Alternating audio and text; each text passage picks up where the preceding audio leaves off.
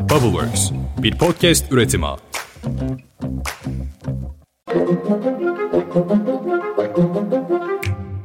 Merhaba, 5 dakikada Dünya Gündemi podcastine hepiniz hoş geldiniz. Bugün 24 Kasım 2022, ben Özlem Gürses. Hadi başlayalım.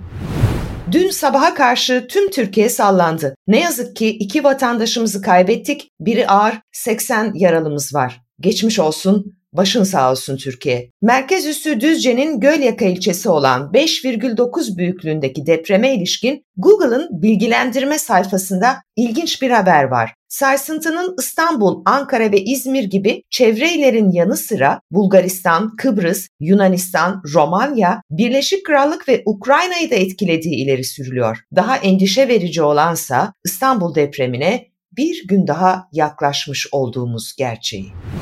Küba Cumhuriyeti Devlet Başkanı Miguel Mario Diaz-Canel Bermudez, Cumhurbaşkanı Recep Tayyip Erdoğan'ın davetine icabetle Türkiye'deydi. Bermudez ve beraberindeki heyet bugün Anıtkabir'i ziyaret etti. Misak-ı Milli Kulesi'ne geçerek Anıtkabir özel defterini imzaladı. Ankara'da yapılan resmi görüşmelerde işbirliğinin geliştirilmesi maksadıyla atılacak müşterek adımlar ele alınmış. Erdoğan basın toplantısında Küba'ya yıllardır uygulanan tek taraflı yaptırımların etkisi aşikardır. Değerli dostum Bermudez'le ticaret hacmimizi 200 milyon dolara çıkarma kararlılığımızı teyit ettik. Enerji, turizm, inşaat, tarım, kalkınma, sağlık ve çevre gibi alanlarda mevcut işbirliğini geliştirme imkanlarını değerlendirdik dedi. Bu arada Küba'nın First Lady'si de Emine Erdoğan'la birlikte bir Ankara turu yaptı. Cumhurbaşkanı Erdoğan Mısır'dan sonra Esad'la da barışabileceğini söyledi. Erdoğan partisinin grup toplantısının çıkışında gazetecilerin sorularını yanıtladı. Esad'la da bir görüşme olur mu sorusuna olabilir. Siyasette küslük dargınlık olmaz. Eninde sonunda adımlarımızı atarız yanıtını verdi. Erdoğan'ın sözleri gündem olurken Associated Press'e konuşan Lübnanlı bir siyasetçi Erdoğan'ın İran aracılığıyla Şam'a mesaj gönderdiğini iddia etti. Lübnanlı siyasetçi Türkiye'nin Şam'a bir heyet göndermeye hazır olduğunu ilettiğini ancak Esad'ın reddederek üçüncü bir ülkede görüşmeyi uygun bulduğunu söyledi. Bu ülke Rusya olabilir mi? Neden olmasın? Bu arada Suriye'de sınır güvenliğini düzenleyen Astana görüşmelerinin 19. toplantısı da gerçekleşti. Toplantının ardından yaptığı açıklamada Suriye Dışişleri Bakan Yardımcısı Sosan, Türkiye'nin hava saldırılarına tepki gösterdi ve geri çekilmeye çağırdı. Asgari düzeyde güvenilirlik kazanmak için yapılan açıklamalara sahadaki eylemler eşlik etmeli diyor Bakan Yardımcısı. Astana kriterlerini aslında referanslıyor ve Amerika Birleşik Devletleri ile Türkiye'nin Suriye'de asker bulundurmasını işgal diye niteliyor. Rusya'nın Ukrayna'ya saldırıları 24 Şubat'tan bu yana devam ederken İngiltere'den Kiev'e güçlü bir destek daha geldi. İngiltere Savunma Bakanı Ben Wallace 9 aydır kesintisiz süren savaşın ardından ilk kez Ukrayna'ya helikopter de göndereceklerini açıkladı. Wallace, Ukrayna'ya desteğimiz sarsılmaz. Bin ek top mermisi ve helikopterler Ukrayna'nın son haftalarda Rusya'dan geri aldığı toprakları güvence altına almasına yardımcı olacak diye konuştu.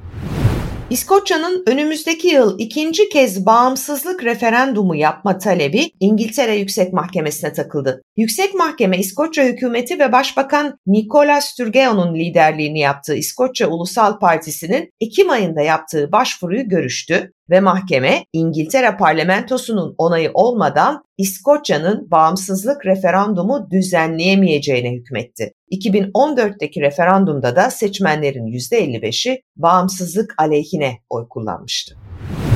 Avrupa'da Rusya-Ukrayna savaşıyla başlayan enerji krizine bir de kuraklık eklendi. İspanya'da Endülüs, Valencia, Bask ve Galicia özel yönetimlerinden sonra Katalonya'da da sonbahardaki yağış eksikliğinden dolayı su tüketimine yönelik tedbirler alındı.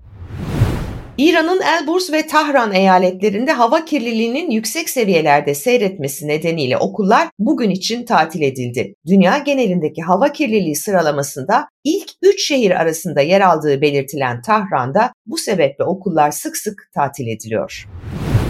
Ronaldo yine manşetlerde. Portekiz milli takımıyla Katar Dünya Kupası'na giden Cristiano Ronaldo'nun İngiltere'de formasını giydiği Manchester United'la olan sözleşmesi karşılıklı olarak feshedilmişti. Cristiano Ronaldo'ya teklif yapan ilk kulübün Newcastle United olduğu ortaya çıktı. Ronaldo hangi kulübün teklifini kabul ederse etsin Ocak 2023'ten önce bir kulüp için sahaya çıkamayacak. Portekiz Yıldız'ın adı eski kulübü olan Real Madrid'le de anılıyor. Dünya Kupası protestolar gündemi durulmuyor. Almanya'dan kupa tarihine geçecek bir eylem geldi. Kupada ilk maçına Japonya karşısında çıkan Alman milli takım oyuncuları FIFA'nın One Love Call bandı kararına tepki göstermek için takım fotoğrafı çektirirken ağızlarını kapattı. Hatırlanacağı üzere turnuva öncesi futbolcuların LGBT plus topluluğuyla dayanışma göstermek için tasarlanan One Love kol bandı takma isteği FIFA tarafından reddedilmişti. Karara rağmen kol bandı takacak olan kaptanların sarı kartla cezalandırıldığı açıklaması da eklenmişti. İşte Almanya milli takımı bu eylemle bu kararları protesto ediyor. Bugünlük bu kadar. Yarın tekrar kulaklarınızda olacağım. O zamana dek hoşçakalın.